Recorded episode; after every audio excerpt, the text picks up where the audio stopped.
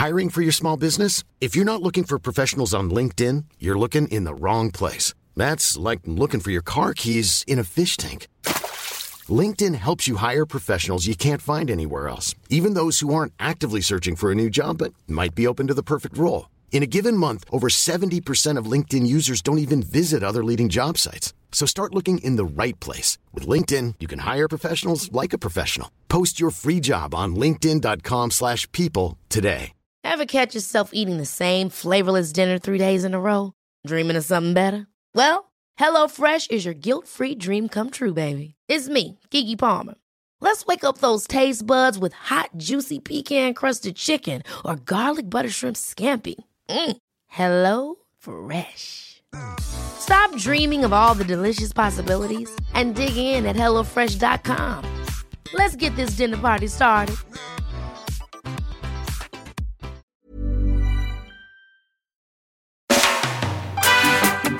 Och välkommen att vänta på katastrofen ännu en vecka tillsammans med oss. Kalle heter jag och med mig har jag Patrik Sellman. Hej Patrik! Hej Kalle! Hur fan är läget? Jo, det är bra. Det är jättebra. Valparna börjar åka på torsdag nu. Oh. Dubbla känslor. Vad, hur känns det? Ja, det är ju... Alltså de här valparna är ju så himla goa vet du, så det är ju helt otroligt va. Alltså Ja. tar, du, tar du upp en valp, ja men då blir den kolugn. Den gossar med dig, snosar, slickar lite i ansiktet och liksom bara ligger där. Kan vara så hur länge som helst. Ja, alltså de är... De är inte bara optimala när det gäller att vara söta och, och sova, utan de är otroligt kärvänliga med. va. Gud, Men sen är det ju det där andra. De är, det är mycket bus och det är högt och lågt. Och får de inte uppmärksamhet så vill de ha det. Fast de sover mycket också gör de va. Ja, men får ni sova på nätterna? Jajamensan. Ja, skönt. Hur fint som helst. Så det är eh, toppen. De Jag kommer ihåg från när jag hade en kull i våras att man, man väcktes ganska tidigt på morgonen av att de stod och ylade i valphagen. Au! Ja. Får inte ligga och sova så länge, Kalle. det är väl det. Nej, men vi, vi har det så bra att vi har ju en, en liten eh, hage utanför ytterdörren och de bor i förstukvisten. Ja, ja, ja. Så när vi hör att de börjar vakna där nere, då går eh, då slåss vi lite om vem som ska gå upp den morgonen. Och sen... Nej, grälar heter det väl. Nej, det gör vi inte heller så mycket. Men hur som helst, man går ner och släpper ut dem direkt och då gör de av sig ute sen när de kommer ut. Och så får Ja, de, skönt. kan man plocka undan lite efter natten där när de är ute och sen eh, ger man dem mat och sådär. Nej, men det, man får in fina rutiner på det där också. En grej som jag kommer att tänka på nu, är, jag håller på att bygga en ny hundgård till mina hundar. Ja, Och eh, Det finns fan ingen bättre känsla än när man har löst djurlogistiken och hur de har det på ett bra sätt. Nej, det är ju en sån så där misstag. Otroligt tillfreds. Ja, det är det. Och det är ju det som man har lärt sig förut. Man bryter emot det ibland tyvärr ändå. Men man lär ju sig det ganska fort att nej men du måste ju ha riktiga stängsel. Va? Du måste Ja. ju ha riktiga grejer. Du måste ha ordnat med vatten och sånt där. Ja, men sen lär man sig ju också. Jag, eh, hundgården var faktiskt det första vi byggde när vi flyttade till gården. Eller det första jag byggde. Eh, bara för att kunna ha hundarna någonstans medan jag var här. Det, vi, vi, vi var här och grejade, eller framförallt jag var här och grejade innan vi hade fått tillträde till själva bostadshuset. Så, så vi gjorde lite förändringar på gården innan vi flyttade hit. Och då för att ha någonstans att ha hundarna så byggde jag en hundgård. Men då byggde jag den, tänkte jag så här, ah, men det är skönt om de är ganska långt från bostadshuset. Eh, för det fanns ett sånt bra tak där som jag kunde använda och ett litet uthus jag kunde bygga luckor in och bygga isolerade lådor där inne och så här. Eh, men det har jag ju fått lära mig nu att ha hundarna långt bort från sig, det är ju det gillar ju inte de. De tycker ju att det är roligare att vara med människor och vi tycker att det är roligare att vara med dem. Och sen är det vetter också deras hundgård nu ut mot åkrarna här där granngården odlar, ja, och ganska ofta är det ra- höstraps och det är otroligt mycket vilt ute på de åkrarna så hundarna står och skäller liksom. Eh, Så nu att få dem lite närmare huset, det ska bli jättehärligt av massa olika anledningar. Ja, det är skönt att ha... Eh, jag menar, du får ju bättre koll på dem också. Ja men exakt. Och det var lite så den här tanken föddes, att jag ville ha en hundgård som är lite närmare om det är någon som Ja, men som nu till exempel, då är det en som är väldigt öm i tassarna efter att ha jagat mycket. Då, då är det ju skönt att kunna ha lite koll på henne liksom, under dagarna. Men, för när de är borta i, i, i original hundgård, då, då ser de inte mer än några gånger om dagen. Liksom. Men nu kommer jag kunna titta ut genom fönstret när jag vill. Mm. Eller också gör det som jag gör. Hängnar in hela tomten. Jag gör en enda stor hundhage av alltihopa och så gör man om huset till en eh, hundkoja, en stor hundkoja. så bor man där allihopa tillsammans sen. Ja, jag tror att eh, om man har fyra jakthundar och är intresserad av att ha lite andra djur och sådär så blir ju den logistiken ganska svår. För då måste man ju stänga ute de andra djuren från den här hagen. Ja, nej, jag, jag förstår det. Jag, mina är ju jakthundar också, men man tränar dem va. Och jag får Precis. väl säga så här att jag äh, lär ju mina hundar att skydda hönorna, inte äta upp dem. Du är ett geni. Ja, men, men äh, man får ju lära dem det, så är det. Ja, ja. Så att äh, det kan ju bli lite missförstånd i början.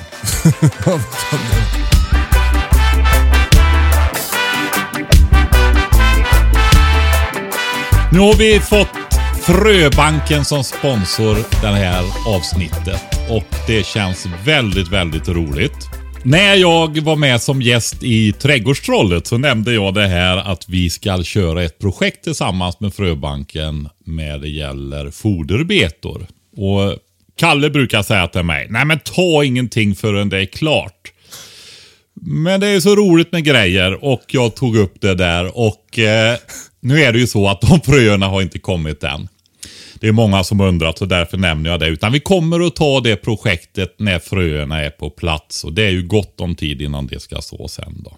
Fröbanken erbjuder våra lyssnare 10% rabatt till och med den 15 februari. Och då får du använda koden beredskap med små bokstäver. Det är en del som har haft problem att se var man ska skriva in koden. Eh, jag la ut detta på Instagram för några dagar sedan. Och det är under dina varor i kassan till vänster så hittar du var rabattkoden ska skrivas in. Tack så jättemycket Fröbanken.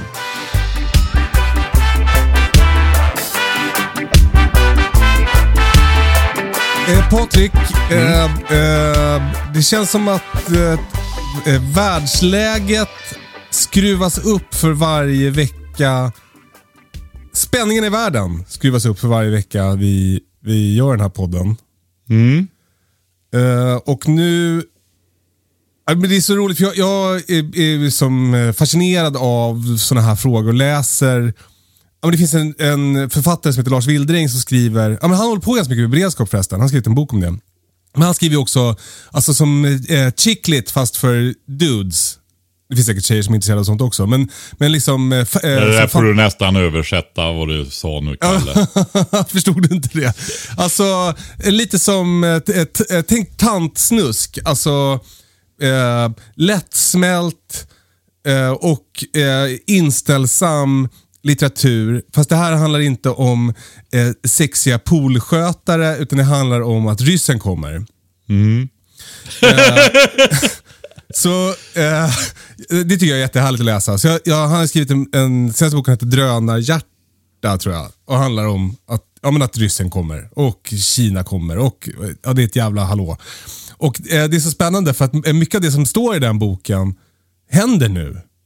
Alltså det är drönare som flyger över över eh, eh, som viktiga infrastrukturplatser i Sverige. Det är landstingsfartyg som åker in i Östersjön. Det är desinformation på internet. Det är, ja men du vet. Mm. Uh, och, men, men, det gör ju att man, man, undrar vad är det som händer Patrik? Det är truppförstärkningar Och, och TV4 som står och filmar stridsfordonen när de kommer så man till och med ser registreringsnumren. Herregud. Ja, alltså jag, bara, jag, bara, alltså jag, jag, jag vet inte vad man ska säga. Ja, men de är ju... Man ska inte vara respektlös. Det får ju sluta med det. Vi drar gränsen där. Men alltså, det är ju inte bra va. Och det, det ska ju alla som lyssnar här också säga så här, va, i den här kommunikations informationstidsåldern. Ta inga bilder om du ser militärer, stridsfordon och lägg ut på sociala medier. Det finns nog med förrädare ändå och spioner va. Så det räcker att bli över. Du behöver inte vara en på grund av att du inte begriper bättre. Så är En det. svensk tiger. Svensk tiger.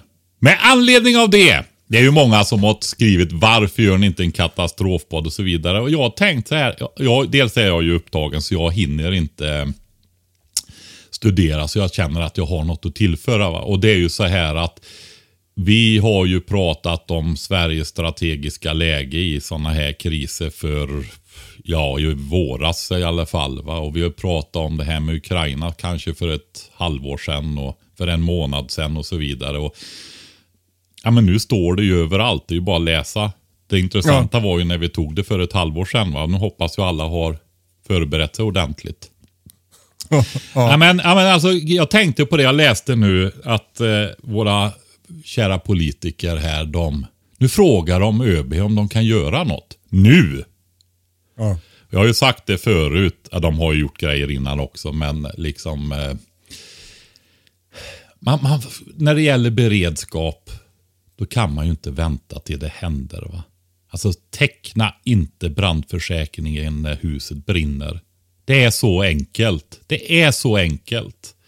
Och det finns ingen annan beredskap för din familj än den du ordnar. Själv eller tillsammans med andra. Men det är du som är ansvarig. Det är du som väljer vilken beredskap dina barn ska ha. Eller dig själv om du är singelhushåll då. Det, det, det är bara så va. Och just det här när det gäller vårt försvar så är det ju så här att nu har det ryckt upp sig lite grann det militära försvaret sen de nästintill totalförstörde det höll jag på att säga. Va? Men, men saken är att de gjorde likadant före första världskriget och andra världskriget. Så att, eh, ja. Det är inget nytt under solen det här. Men det är så för politikerna också att nu står de där också med skägget i brevlådan och undrar om någon behöver pengar och sånt där. Jag, jag vill läsa i alla fall när det var som starkast. Det svenska försvaret. Alltså relativt den tiden då. Vi Ja. hade, hade tusen flygplan och så vidare. var världens fjärde största flygvapen. Ja. Alltihopa det där. Och det är i broschyren om kriget kommer. Alltså eh, förra gången den kom, eller? Ja, den heter väl om krisen eller kriget kommer heter den nu och är väldigt tunn. Den här var ju mycket tjockare och det Ja, handlar ju om hur man gjorde motstånd efteråt och gerillakrig och ja, allt möjligt. Herregud. Ja. Du kan eh, ladda ner den. Den En finns som- instruktion i gerillakrigföring från staten. väldigt kort ja, det är det mäktigaste jag hört. Nu läser jag i alla fall. Sverige vill försvara sig, kan försvara sig och skall försvara sig. Motståndet ska göras ständigt och i alla lägen. Det är på dig det beror. Din insats, din beslutsamhet, din vilja att överleva. Vi ger aldrig upp. Varje meddelande att motståndaren ska uppges är falskt. Herregud. Ja. Gåshud! Det där, alltså det där, varje meddelande om att, eh, om att motstånd ska upphöra är falskt. Det är ju jävligt starkt. Alltså. Vi på jägarförbanden, eh, vi hade ju ganska bra stabsförmåga på bataljonsnivå där. Va? Och det var ju tanken också att man skulle kunna, ja, om man inte fick stopp på det då, att man skulle kunna organisera och leda motståndsrörelser och sådana saker också. Då var tanken på den tiden då. Men jag vill också säga så här att eh, det är bra om man skärper till sig när man ser att det händer saker och sånt där. Men eh, jag eh, tänker så här att det här är ju ett politiskt högt spel inledningsvis. Va? Men det är också så här som det börjar såklart. Va? Du har ju läst instruktioner i dina böcker. Eh, Wilderängs böcker där. Och eh, det är ju, ja, alltså det vet ju Wilderäng. Han har ju studerat det här. Det är ju så det går till med små varianter av det. Givetvis kan det ju vara då. Va? Men det är ju med de resurser och det som finns idag så, så är det ju så. Men Men, hur allvarligt är läget? Alltså för, det är så svårt att fatta, för man får så en, en flash på telefonen att eh, det står så här trupp trupper på Gotland. Och man bara, för helvete nu har det, nu har det hänt. Nu är, nu är ryssen här. Och så var det då att Sverige förstärkte sin närvaro på Gotland. Hur, Jo, hur men alltså man kan ju inte läsa vanliga medier och titta vad de förmedlar för någonting. De slåss ju med kniven mot strupen för att få ett klick hela tiden. va. Ja. Alltså det är ju, men drama queens är ju ett milt uttryck i jämförelse med media nu för tiden. Så är det ju. Va? Utan man får ju titta på på fakta och sånt där. Och sen har jag sett på sina håll också det här som du pratar om, missinformation och så. Va? Att ja, nu har de ställt två stridsvagnar och skickat ut hundra hemvärnsmän på Gotland liksom som Sveriges försvar mot ryssarna liksom. Eh, det är ju så här att det är ju ingen som vet mer än de som leder det här vad som händer på Gotland och vad Sveriges försvar gör och så vidare där och har gjort i förväg helt ut och så heller. Va? Det är inte, Inte ens du? meningen. Nej, inte jag. Allra minst jag höll jag på att säga. Jag kan ju sitta och, och fundera på det. Men eh, sån information, det är bullshit. Rätt Ja. upp och ner. va. Det är typiskt sån information som sprids för att Ja, informationskrigföring, psykologisk krigföring helt enkelt. Alltså vem menar du är det som sprider den informationen? Ja, men det pågår hela tiden ifrån eh, de länderna som har intresse av det då va. Ja, det är Eh, inte Sverige som sprider den informationen, utan du menar att det är våra motståndare som sprider Ja, det är, men eh, svenskar hjälper ju till. De hittar ju det där och är, är griniga och så vidare. Så delar man vidare detta. Va? Så går, går det som en löpeld hur dåligt det är och allting och så vidare. Just det. det kan hända att det inte är på topp, va? men man gör ju inte så. Då, då är motarbetar man ju sitt eget land också. Va? Det är ju för det här som vi har fått ett psykologiskt försvar igen då. Startade faktiskt den, eh, nu ska vi se, det var första januari det startade. Så det är väl, är väl drygt två veckor nu då, vårt nya psykologiska försvar. Då. Jaha. Ska vi bara få ett ekonomiskt försvar också?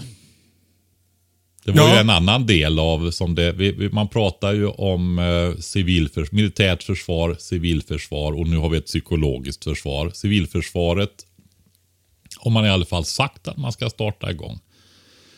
Har inte tillfört medel vad jag förstår än. Men sen hade vi också ett ekonomiskt försvar då.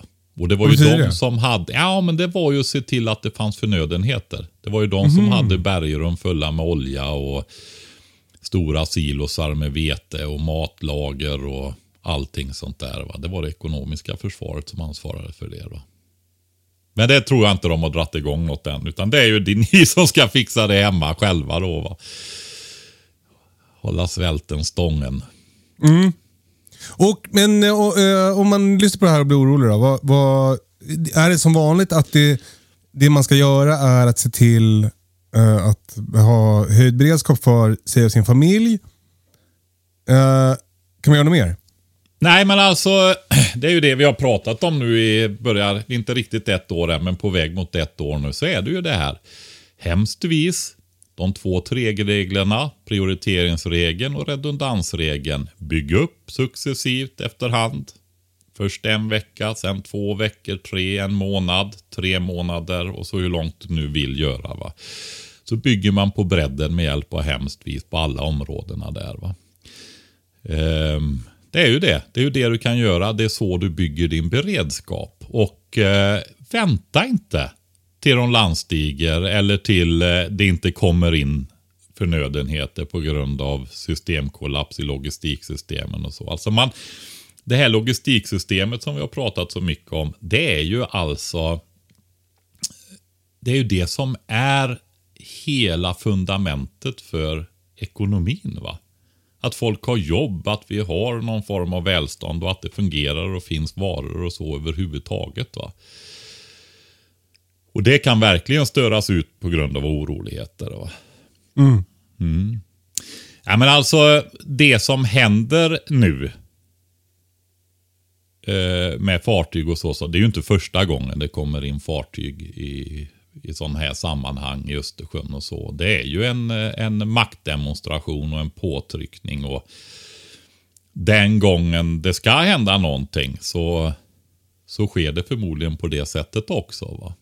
Alltså Men och, eh, liksom, om man inte har hängt med då, Mm. så, så eh, eh, det som har hänt eh, eh, är att eh, Ryssland har sagt att NATO måste lova att Sverige och ja, alla, alla länder efter Rysslands gränser. Va? Det är ju, Ryssland vill ju vara en stormakt igen, så är det. Just det. Och eh, NATO trängde sig ju nära dem under 90-talet när de hade sin SHTF, alltså när det kollapsade deras eh, sovjetiska system. Då, va? Och det var ju fruktansvärt i flera år. Va? Då gick ju Baltikum med i NATO. Och det det. ligger ju runt eh, Finska viken där Sankt Petersburg, en 5-6 miljoner stad, ligger där inne. Va? Just det. med sina varv och allting och ska ut genom Öresund. Så man har ju gjort så. Men sen är det ju så här också, man kan, vi har ju pratat om det här förut, men du kan ju gå tillbaka till 30-talet. När Stalin och ryssarna svälte ihjäl fem miljoner ukrainare. Va? Bara rätt, rätt upp och ner. Va? Tog all mat, så de bara hade ingenting. De fick sitta där och svälta ihjäl. Allihopa. Och eh, det är ju så här att de här vill ju... Ja, de har varit under kommunistisk ockupation också efter andra världskriget när ryssarna kom. Då blev det ju östblocket, Warszawapakten. Då, va? Så eh, delar av dem vill ju vara med i NATO. Men sen om du tittar i östra delen av Ukraina till exempel så är ju Ukraina en, en sån där, du vet som Afrika och eh, västra Asien. Papperskonstruktioner, några gubbar ritar streck på kartor. Va? Just så det. att i östra Ukraina så har du ju ryssar va, som inte alls identifierar sig som ukrainare. Och grundkonflikten är ju där. Jag vet inte hur din i detalj vi ska bli. Det får ju ge olika bilder av det då. Men de är ju mer ryssvänliga där va. Och i södra Ukraina där har du ju rumäner som känner sig som rumäner istället va. Ja. Och dessutom så är väl inte ukrainska och ukrainska armén jättetrevliga mot dem i öster heller. Va? Och de vill ju vara självständiga. Så att där, där har du ju situationen. Det är ju en soppa som det alltid är när det blir så här då. Va? Vilken sida är det som svenska nynazister åker och strider på? Jag vet inte det. Det måste ju vara på uh, ukrainska sidan i så fall. Ja. Jag känner inte till det Nej. överhuvudtaget. Eh, va- vart de, att det åker några överhuvudtaget. Det brukar Men- ju vara så att när det blir stridigheter att det kommer frivilliga och hjälper till. Då. Men om man, då, om man nu vill göra ett besök hos oraklet i Sunne. Mm. Där du sitter i din grotta med läckande underjordiska gaser som gör att du ser i syne. Är det så oraklet, oraklet i Delphi? Jaha, okej, ja, nu börjar jag undra. Så, jag- Jaha, vad, vad håller han på med nu? Eh, vad tror du kommer, vad, liksom, vad håller framtiden i sitt sköte? Vad kommer att hända med det här? alltså just den här biten. Ja. Nej men alltså jag, jag ser, du kan inte göra annat än förbereda dig på det viset som, som eh, vi har berättat om här. Nej. Så är det va. Och du utvecklar och tränar dig till en kapabel människa och sådär också va. Och reda ut och försöker organisera dig så att du är så stark som möjligt. Ha goda relationer, hålla ihop din familj om du har en.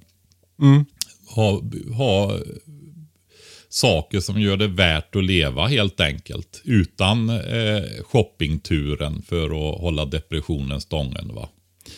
Alltså du får ju skapa dig ett bra liv så att du, och att du är stark och att man orkar med. Det blir ju otroliga påfrestningar om man inte har en vana att hantera knepiga och utsatta situationer och sånt heller. Speciellt över tid. Då. Så att eh, det är ju så. Ja, vi har ju pratat om många olika saker och det här är ju en sak att det är oroligt. Men sen har du ju det här ekonomiska, du har logistiksystem, alltså hela situationen, det där som vi har sagt, det där tre, tre variabeln. Det här går inte att titta bakåt hur man har fixat detta förut. För det har aldrig varit så här i världshistorien. Att he- hela världen är involverad i att tillverka en blyertspenna. Alltså det är bara några decennier sedan vi hade inhemsk produktion i huvudsak. Va? Mm. Människorna aldrig varit så här mycket människor. Ever catch yourself eating the same flavorless dinner three days in a row? Dreaming of something better? Well, HelloFresh is your guilt-free dream come true, baby. It's me, Kiki Palmer. Let's wake up those taste buds with hot, juicy pecan-crusted chicken or garlic butter shrimp scampi. Mm. Hello Fresh. Stop dreaming of all the delicious possibilities and dig in at HelloFresh.com. Let's get this dinner party started. Hiring for your small business? If you're not looking for professionals on LinkedIn, you're looking in the wrong place. That's like looking for your car keys in a fish tank. LinkedIn helps you hire professionals you can't find anywhere else, even those who aren't actively searching for a new job but might be open to the perfect role. In a given month, over 70% of LinkedIn users don't even visit other leading job sites. So start looking in the right place. With LinkedIn, you can hire professionals like a professional. Post your free job on linkedin.com slash people today. Cool fact a crocodile can't stick out its tongue. Also, you can get health insurance for a month or just under a year in some states. United Healthcare short term insurance plans, underwritten by Golden Rule Insurance Company, offer flexible, budget friendly coverage for you. Learn more at uh1.com. Och människor har aldrig kunnat så lite om att klara sig på den här planeten som de föddes till. Det är ju situationen är sån. Du kan inte titta att ja, men det gick bra då och då och då. Det är ju extremt. Det är som om någon har riggat en stor fälla för mänskligheten. Och vad det blir som utlöser att det blir eh, väldigt jobbigt, det, det går inte att säga det. va. Det är ju så här att krig är ju väldigt, väldigt dyrt och det står definitivt ut logistiksystemen och vi har ingen redundans i detta. Nu, nu är, sen, sen har vi också, jag måste bara säga det, va? folk säger att nu kommer, ja det har jag själv sagt att maten blir dyr va? och det blir den därför att det är ju även utanför landet. Men sen i landet så är det ju så här att nu har vi ju världens högsta dieselpriser förutom att konstgödsel och sånt bli, har blivit väldigt dyrt. Va? Och det är ju inte så här att svenska bönder kan höja priserna. De är ju på en världsmarknad utan nu får ju de lägga ner matproduktionen den sista som är också. Va? Så att eh, det, det är inget stort helhetstänk om vi säger så. Ja. Det känns allvarligt idag Patrik. Ja. Nej men alltså. Det är ju verkligheten som tränger sig på. Vi bor här på planeten. Vi är väldigt utsatta här. Det är ju så att leva. Man försöker ju, man försöker ju hålla tag i positiva saker och glädje och alltihopa det här och skapa ett rikt liv. Men det är ju väldigt utsatt. Va? Ja. Så är det ju. Jag kan berätta om en personlig katastrof som har hänt den här veckan. Det är att eh, det är personalbrist på förskolan, så vi har barnen hemma. Eh, så eh, det fuckar ju upp alla ens tankar på att få saker gjorda eller så. Ja, jag hörde det att de, de kör ju vidare med det här med karantäner och barn som är snuviga och det här. Va? Då, då blir det ju ingen som kan gå till jobbet till slut. Va? Det är Nej. ju så. Jag såg till och med att de hade problem med personal på kärnkraftverken och elkraftförsörjningen och det som är. Så att eh, det var risker för det också. Mm. Vi kanske kan hyra in några från ett serbiskt eh, bemanningsföretag. Nej, eller också låter man ju, så lättar man på trycket helt enkelt. Det är ju politisk styrning i detta va. Med karantänsregler och folk ska vara hemma när de är snuviga och sådana här saker va. Så att, eh, Jag skämtade. så är det.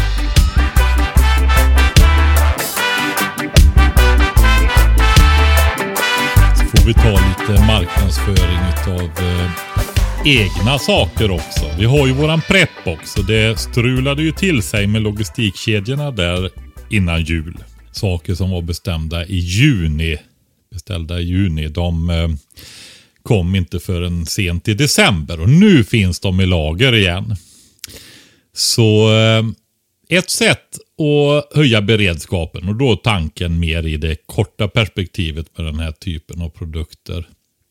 Och inte minst att du har möjlighet att ha med dig mat för några dagar, en vecka i din evakueringsväska. Mat som du kan äta varm eller till och med kall om det behövs. Det är ju vätska i den också då. Det är så kallad mjukkonserv och den har en hållbarhet på flera år. Den här maten kan du beställa på prepbox.se. Och då är det också ett sätt att hjälpa oss som gör den här podden. Därför att det är vi som säljer produkten. I prepboxen så finns det frukost, lunch och middag. Och det är 25 000 kilokalorier. 18 lunch och middag och 12 frukostar. Plus en massa goda snacks också dessutom. Prepbox.se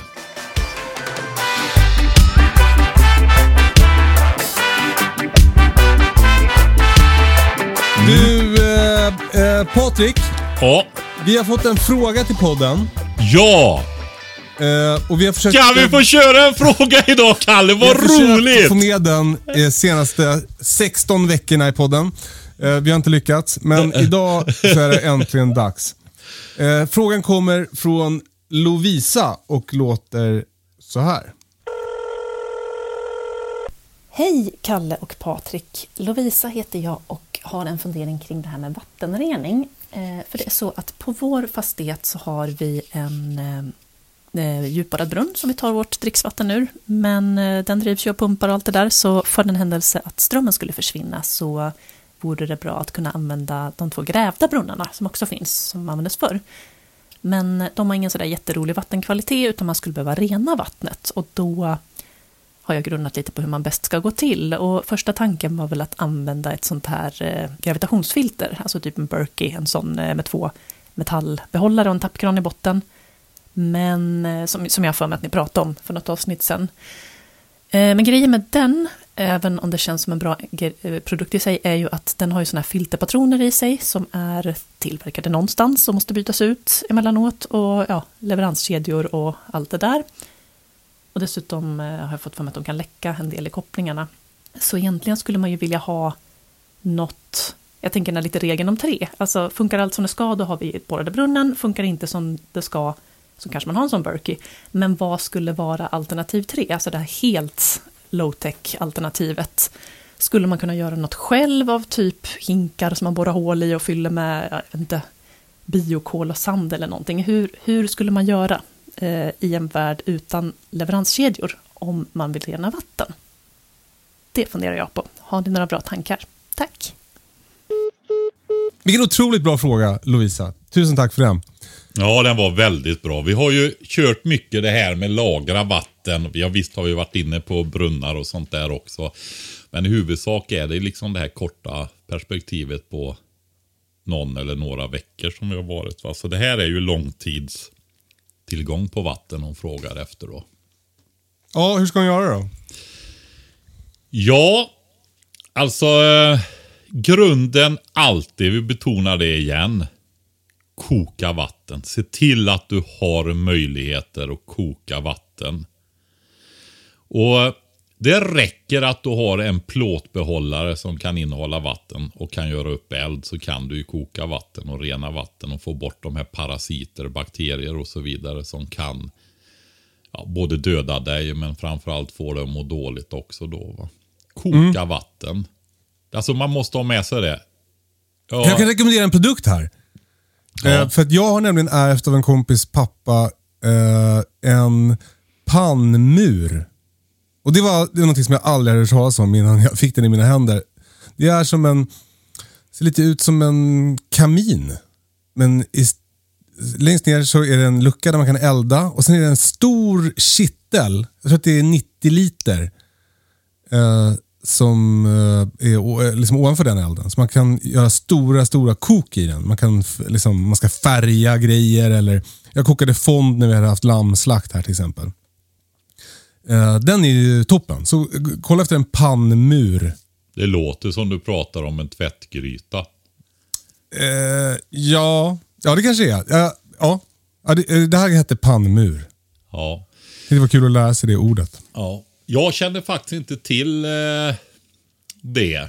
Men det lät som en tvättgryta. Alltså en sån här stor, ofta var det ju koppargryta i dem förr då. Och så eldar du under dem med en lång skorsten som står upp. Ja. Murpanna verkar kallas. Eh, Murpanna kallas i norr och pannmur i söder. Jag ska kolla det sen, men tvättgrytor finns ju också för det där. Då. Byk, vad heter det? Bykgryta? Nej. Eh, Jo, det kan det säkert heta. Bykgryta, proteinspriket. Ja. Du, så här är det. Hon har ju en djupborrad brunn. Ja. Eh, pumpen kan gå sönder. Ja. Då är ju enda alternativet att antingen man kan ta upp den och laga den. Eller Ja. att man har en reservpump. Ja. Men går strömmen. Då är ju alternativet att ha reservkraft till den pumpen. Just det. Och det har jag ju satsat på i första hand. va. Ja. Eh, det har jag ju berättat om förut. Då, med, dels har jag ett trefas elverk. Sen har jag ett eh, enfas elverk där jag har fasförskjutare då som kan göra om enfas till trefas. Och sen i sista läget så är inte det färdigt än. Men där har jag en batteribank eh, som ska laddas med solceller. Och det är solcellerna då och ett litet vindkraftverk då. Alltså ett eh, underhållssystem för allt. Kunna ladda batterier och pumpa upp lite vatten någon gång då och då. Va? Så att man har ett lager från pumpen. Alltså, Och får jag bryta emellan här Patrik? För jag har precis fått i, igång mitt, eh, mina, mina solpaneler och min batteri, eh, mitt batteripack. ah, du har fått tillståndet nu. Ja, man jag var tvungen att vänta ganska länge på att eh, min föranmälan skulle behandlas eller vad det var. Ja. Eh, Men nu är allt up and running och det visar sig att eh, solen träffar ju inte taket speciellt mycket den här tiden på året. Nej. Eh, det är träd i vägen eh, när solen ligger så här lågt som den gör nu. Så att jag, jag har redan insett att jag måste komplettera mina med solpaneler på ett tak som ligger lite mer öppet här på gården. Ja. Eh, för Men få alltså grejen är ju så här. Alltså jag reagerar ju på det. Folk har ju fått sådana hiskliga elräkningar nu. Va? Jag har sett både 12 och 15 och 20 000 och sådär. Va? Eh, ja. Ja, det, det, det, det är ju som det är va. Det ställs ju till. Och sen, eh, men sen så är det solcellsanläggningar själv som bara den va. Och det kan ju vara bra. Kruxet är ju det att om du tittar på årsproduktionen. Hur mycket årsproduktion har du i december, januari och februari? Utav procent av årsproduktionen. Ja, det är väldigt, väldigt lite. Ja, alltså det måste ju vara enstaka procent va. Eh, häromdagen var det soligt eh, hela dagen. Mm. Och då hade jag 7%, det var 7% självförsörjande Ja. på el. Precis. Så att det måste man ju vara medveten om i den här delen av världen att när vi behöver el och elen är dyr, då funkar inte solceller. va? Ja. Nej, utan solceller de funkar jättefint när elen är billig och vi inte behöver så mycket. Jag har kommit på en grej som, eh, som jag kan intala mig själv i alla fall. Och Det är ju att Ja. solcellerna kommer att funka bra den tiden på året när jag producerar mycket mat. Alltså när jag behöver vattna mycket. Och Mina solceller kan ju driva min djupborrade brunn, pumpen i den. Ja, Så det är ju bra. ja. Men vad jag menar är att man räddar inte upp elräkningarna och ehm, elbristen på vintern med solceller. Nej. Så är, det, det är ett faktum. Va? Så är det ju. Sen är solceller bra också.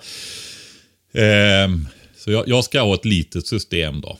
Som med 1000-1400 watt och ett litet vindkraftverk tänkte jag mig. Det här blir ju ett stickspår. Eh, men, men jag måste, få- får jag fråga om mitt batteripack nu då?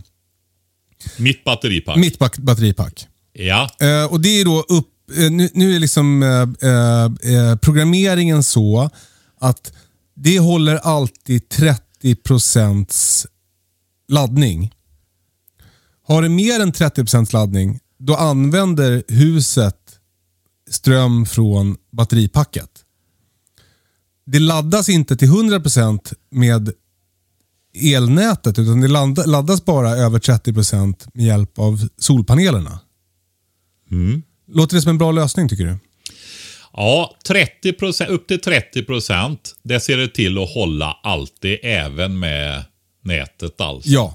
Ja, och det är en Ja. reservströmsbit. Om strömmen skulle gå så har du alltid 30 procent kvar i alla fall till lite grann. Ja. Och då är det lampor Precis. och vattenpump framförallt och några uttag. Ja. Liksom. Inte spis och sådär, för de kommer ju äta upp direkt.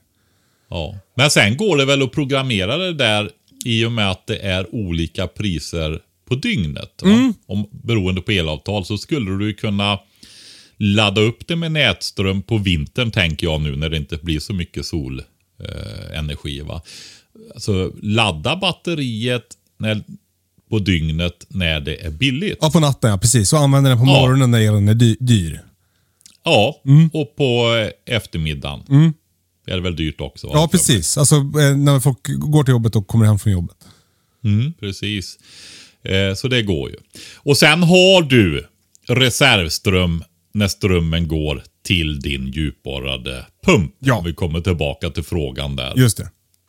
Och det är ju väldigt, väldigt, väldigt bra. Men sen pratade ju Lovisa också om att hon hade, hon hade två grävda brunnar. va? Mm. Det är ju så här med grävda brunnar att eh, lite beroende på var de ligger, om det har ändrat sig någonting. Alltså man vill ju inte ha avloppsgrejer eller sånt som är för nära en grävd brunn. Va? Vatten renas ju i marken men det går ju åt några meter för att vara säker på att inte det kommer in felaktiga bakterier och sånt där. Då. Men sen kan du också ha läckage från ytvatten, alltså regnvatten och sånt som rinner in i en brunn också för med sig. Så man gödslar ju inte med dynga och sånt där i närheten utav grävda brunnar heller. Va? Just det. Så det är viktigt. Sen kan jag väl också säga så här när det gäller kontamineringen av om man vill. Lovisas fråga tolkar jag som hela vägen fråga alltså. Och då är det ju så här att du kan få nedfall. Och eh, det kommer ju extra mycket nedfall. Det kan ju vara vad som helst. Det kan vara giftiga ämnen men det kan också vara radioaktiva grejer. Ja. Och då är det ju så att regnar det då för det ju med sig mycket mer ner och dessutom så rinner det in i brunnen. Just det. Så har man en grävd brunn så är det bra om man har en beredskap av att kunna täcka över den där brunnen. Med presenning eller vad som helst så att det täcker några meter åt alla håll så att det inte rinner direkt in i brunnen. Jaha, smart. Ja, det är väldigt billigt och väldigt enkelt för att säkra en brunn. Då. Men sen ska jag också säga att gamla borrade brunnar. Där beror det ju på hur tätningen är. För du, du vet, man sätter ju i rör tills man kommer ner i berget. Ja. Det känner du till. Och så borrar man lite djupare i berget nu för tiden i alla fall. Och den skarven där, hur man tätar det där. För där kan det också rinna ner även i en djupborrad brunn. Nu för tiden så tror jag man har eh, bättre metoder. Han som borrar min brunn här nu då, han gjorde väldigt fint. Eh, men har man en äldre brunn så får man se över hur det är där va. Hur gör man det? Ja, det får du eh, nog. Jag skulle nog säga att då får du be en brunnsborrare komma och kolla. Ja, Det är ju, metoderna har ju utvecklats om man säger så. Då. just det. Och jag vet, jag vet, det kan ju de hur man kan åtgärda det efteråt också beroende på vilken utrustning det är och så. Alltså för 50 år sedan så, så tätade man med bly och asbest. Nej, jag tror man har försökt eh, eh, använda cement på olika sätt och täta där. Ja. Faktiskt. Om man har tätat överhuvudtaget. Det är kanske inte säkert heller på än, ännu tidigare. Då.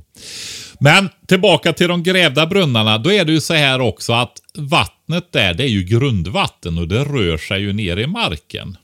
Och det renas ju där nere i grus och sandbäddar och sånt där då. Va?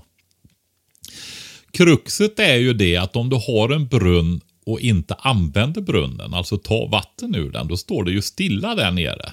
Just det. Mer eller mindre. Beroende på, på geologin och så då. Hur det ser ut just på platsen och lutar och hur vattnet rör sig och sånt där. Va? Men tummer du brunnen, då rinner du in nytt rent vatten i den. Så det kan vara någonting att tänka på. Alltså om man har lånar bensindrivna pumpar eller någonting sånt där och pumpar ur en brunn så får du in renare vatten sen. Smart. Förr hade man ju ålar i brunnarna. Det går sådana här legendariska berättelser om det. Ja men alltså att man hade, det var väl att ålar bodde i brunnen. Det var väl ålarna som hade bestämt sig för att bo i brunnen. Det var väl inte människorna som hade bestämt sig. Ja, och man släppte i dem också. Släppte, i, släppte i dem i eh, brunnarna. Nej, men De levde där i. 80 år typ. Ja, och ännu längre finns det väl också då. Va? Som man har hört berättelser om. Men, eh, för det trillar ju ner grejer i brunnar också. Kan ju trilla ner möss och råttor och allt möjligt sånt där då. Just det. Och det påverkar ju då. Men eh, därför så är det viktigt att ha täckning på med. Och har man grävda brunnar, alltså det är ordentliga lock på dem va. Tunga lock. Ja, det har du sagt till mig för barnens skull. Ja. Alltså det är ju det där med gamla ödeplatser och sånt. Det är, är, är, har man otur så har man otur. Har man små barn så får man verkligen se till. Det gäller ju samma med avloppsbrunnar då, att det ska vara tunga lock. Ja. Tillräckligt tunga i alla fall. Eh, sen är det ju så här att om man då tar i en grävd brunn eller regnvatten ifrån taken fulla i fågelskit eller ja, du vet sådär va. Alltså eh, har ganska klart bra vatten men inte rent vatten. Så kan man ju behöva rena det. Och eh, Lovisa frågar ju efter liksom den här basic-metoden. Och då är det ju så här att jag vet inte hur det är nu för tiden men vi fick ju lära oss att göra eh, vattenfilter med eh, Alltså man tog eh, kolbitar ifrån elden helt enkelt. Ja. Inte aska utan träkol och pulveriserade det och blandade med eh, torv. Och torv det hittar du ju på myrarna. Överst har du ju levande vitmossa och under där så har du ett brunt skick och det är torv. Och man, Inte när det börjar bli liksom jordigt. Utan det ska vara det här bruna då. Då blandar du eh, i botten på en burk. Du gör hål i botten på en burk. ja. Med en spik eller med någonting som du kan göra. Det kan vara, även vara en knivspets om du inte har någonting annat. Och eh, där lägger du vitmossan. Aha. Den är ju också desinficerande. Det känner du till kanske för sårvård och så. Just det. Ja. Men och visst är det så att vitmossa är ju inte det man tror att det är. Man tror ju att vitmossa är det där som man har i adventsljusstakar, alltså den hårda, eh, lite eh, spröda eh, eh, krullet. Men det, Tror, tror man det? ja, det tror man. Okej. Men det är ju en lav. Välkommen till verkligheten Patrik. Vi har ingen aning om vad vi håller på med. Nej, men vitmossa är ju den du har den här ute på, på myrarna va? Ja, precis. Som växer otroligt mycket där ute. Och eh, ganska långa trådar. Just det. Ja. Och inte Eh. alltid vit heller va? Vad sa du? Den är väl inte alltid vit heller? Nej. Det är väl långt ner då där inte ljuset träffar som Ja. det kan vara Ja. ljusare då. Men eh, blanda sånt här pulver som du har mosat utav kolen med torven Mm. och lägg ovanpå vitmossan då. Vitmossa i botten i burken med hål i botten då. Och eh, sen lägger du torv och kol och så kan du lägga lite grus eller sand eller småstenar uppe på det här så att det är kompakt och inte flyter upp då. Och sen är det ju så att är du i en överlevnadssituation då ute i naturen och hittar en konservburk eller ölburk eller något så du kan göra en sånt här. Då kan du ju använda den här för att ta upp vattnet. Alltså som en skopa. Filtret kan vara en skopa också. Att du inte fyller den ända upp. Och sen om du har ett dryckeskärl eller viker lite näver eller någonting så kan du alltså. För det är så här, du kan ju inte ösa med det som du ska använda då va. Och dricka i.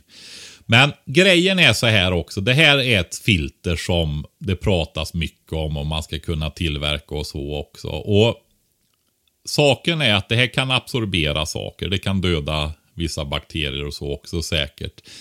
Men det här är ingen säker metod. va? Och Behöver du använda det här i ett extremläge, då, är, då vill du inte bli dålig. va? Just det. Så är det.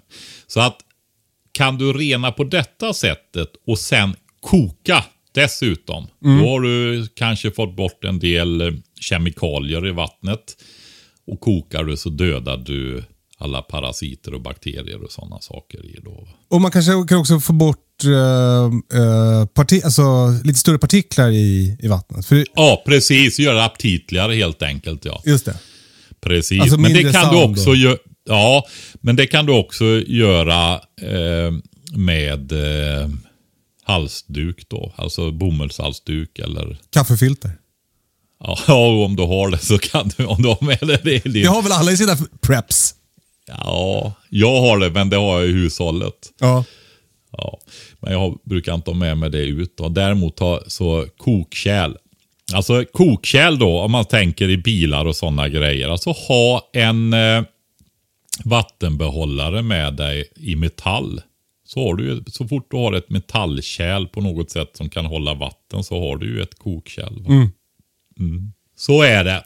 Men eh, det, jag, jag ska säga så här. Det finns en pdf-fil av överlevnadshandboken. Försvarets överlevnadshandbok då.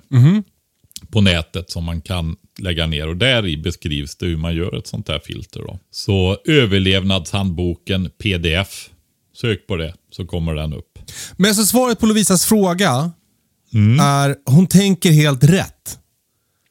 Absolut. Och eh, du har ju redundansregeln. Så minst tre sätt att få vatten. Jag har fler sätt. För det, det är så grundläggande då. Va? Så att eh, det, Jag har ju, förutom att hålla igång eh, pumpen, så har du regnvatten. På att hålla igång pumpen har jag ju minst tre sätt. Och sen har du eh, Alltså tre extra sätt, så det blir fyra med den vanliga nätspänningen då. Va? Och sen har jag ju även att kunna åka och hämta vatten. I sjöar och sånt som finns runt omkring. Just det. Och sen har jag även regnvatten då. Men, men eh, Lovisa tänker rätt, men hon tänker också lite fel. Därför att eh, eh, eh, eh, första grejen är reservkraft till den djupborrade brunnen. Och- ja, absolut. Och sen är det eh, eh, absolut ett filter, men framförallt möjlighet att koka vatten. Och då Möjlig- kanske koka Ja. ganska mycket vatten på en gång så att det blir, så logistiken blir lite hanterbar. Ja, om det är strömavbrott då så är det ju att ha vedspis eller kamin med kokmöjligheter. Bra! El- Eller det. Men jag vill också säga så här att ofta så är det ju så här att eh, det krävs någonting. För hon pratar om ett sånt här gravitationsfilter som jag brukar prata om. Berkey är ett jättekänt märke. Det finns andra också. Ehm, jag vet att i Amazon i Storbritannien, UK, så har de ett filter som inte är så vansinnigt dyrt. Jag tror du kommer undan med under 1500 för ett 10 liters där. Va? Men de filtrerna som är där i, det är keramiska filter och de håller ju för oerhört mycket vatten alltså. Och Okej. De är ju tvättbara också. Ja, det är ju keramik. Det är ju som ehm, ett kompakt keramikfilter då va.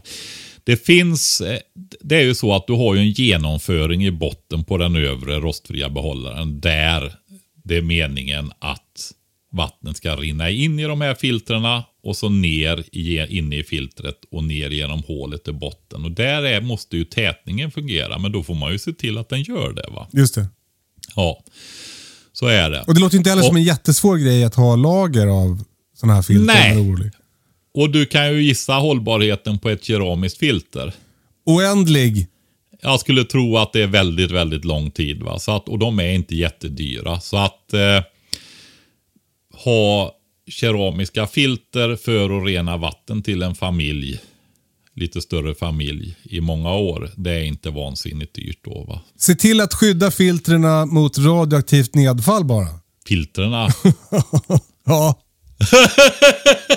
Okej, har de inomhus? ja. Nej, men brunnar om man ska ta eh, färskvatten ur grävda brunnar. För många utav dem har ju vatten året runt. Så kan det vara så att, ja, blir det det där läget som man aldrig trodde det skulle bli och det blåser vindar rätt emot dig ifrån någon militäranläggning eller det har varit otrevliga bomber. Ja, då kommer det ju in flygande över dig. Va? Så är det. Eller om man bor närmare städer eller industriområden där det kan komma giftiga ämnen och sånt där. Då. Mm. Ska vi nöja oss där? ja eh, hoppas du fick svar på din fråga Lovisa. Om inte får du höra av dig igen. Eh, Det är jättekul när ni skickar frågor och speciellt ljudfrågor. Eh, Maila hej at katastrofen.se. Hej at katastrofen.se. Eh, med, det är bara att spela in i telefonen och, och mejla direkt från appen. Så blir vi jätteglada. Har du något mer Patrik? Ja, det har jag faktiskt. Det lät så. Nej, men jag tänkte på det här. Vi kom så fort in på eh, det här läget som var lite ansträngt nu då. Eller inte lite ansträngt, det är ganska, väldigt ansträngt skulle jag vilja säga. Det är en allvarlig situation, jag vill inte förringa det. Men för mig är det ju liksom bara i ett flöde av skeenden. Va? Så att eh, en utveckling då. Sen får vi se hur långt det går den här gången. Det, Så är det. Men eh, det var ju det här med sponsorn som vi har idag, Fröbanken. Och eh, jag vill, ni som odlar fröer och framförallt som har lite mer odling eller möjlighet att få lite mer odling. Så är det ju så här att de flesta fröer håller länge. Köp på i lager nu när ni har möjlighet. Fröbanken har låga priser överhuvudtaget jämfört med många konkurrenter. Och eh, dessutom så får ni 10% rabatt nu då med rabattkoden beredskap. Under varorna i kassan till vänster så hittar ni och klicka på där det står rabattkod. Då.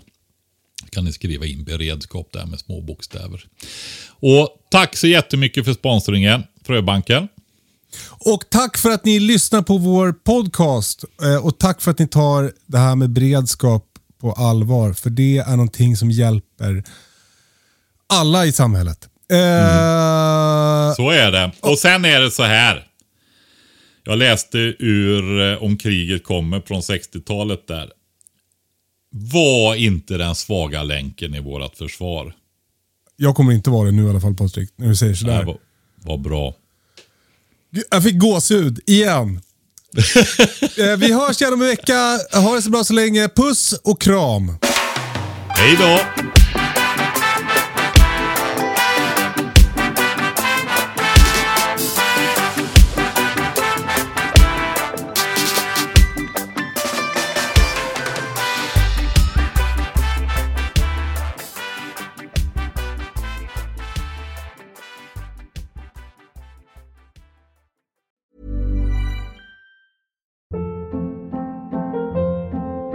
Hold up. What was that? Boring. No flavor. That was as bad as those leftovers you ate all week. Kiki Palmer here, and it's time to say hello to something fresh and guilt-free. Hello Fresh. Jazz up dinner with pecan-crusted chicken or garlic butter shrimp scampi. Now that's music to my mouth. Hello Fresh. Let's get this dinner party started. Discover all the delicious possibilities at hellofresh.com.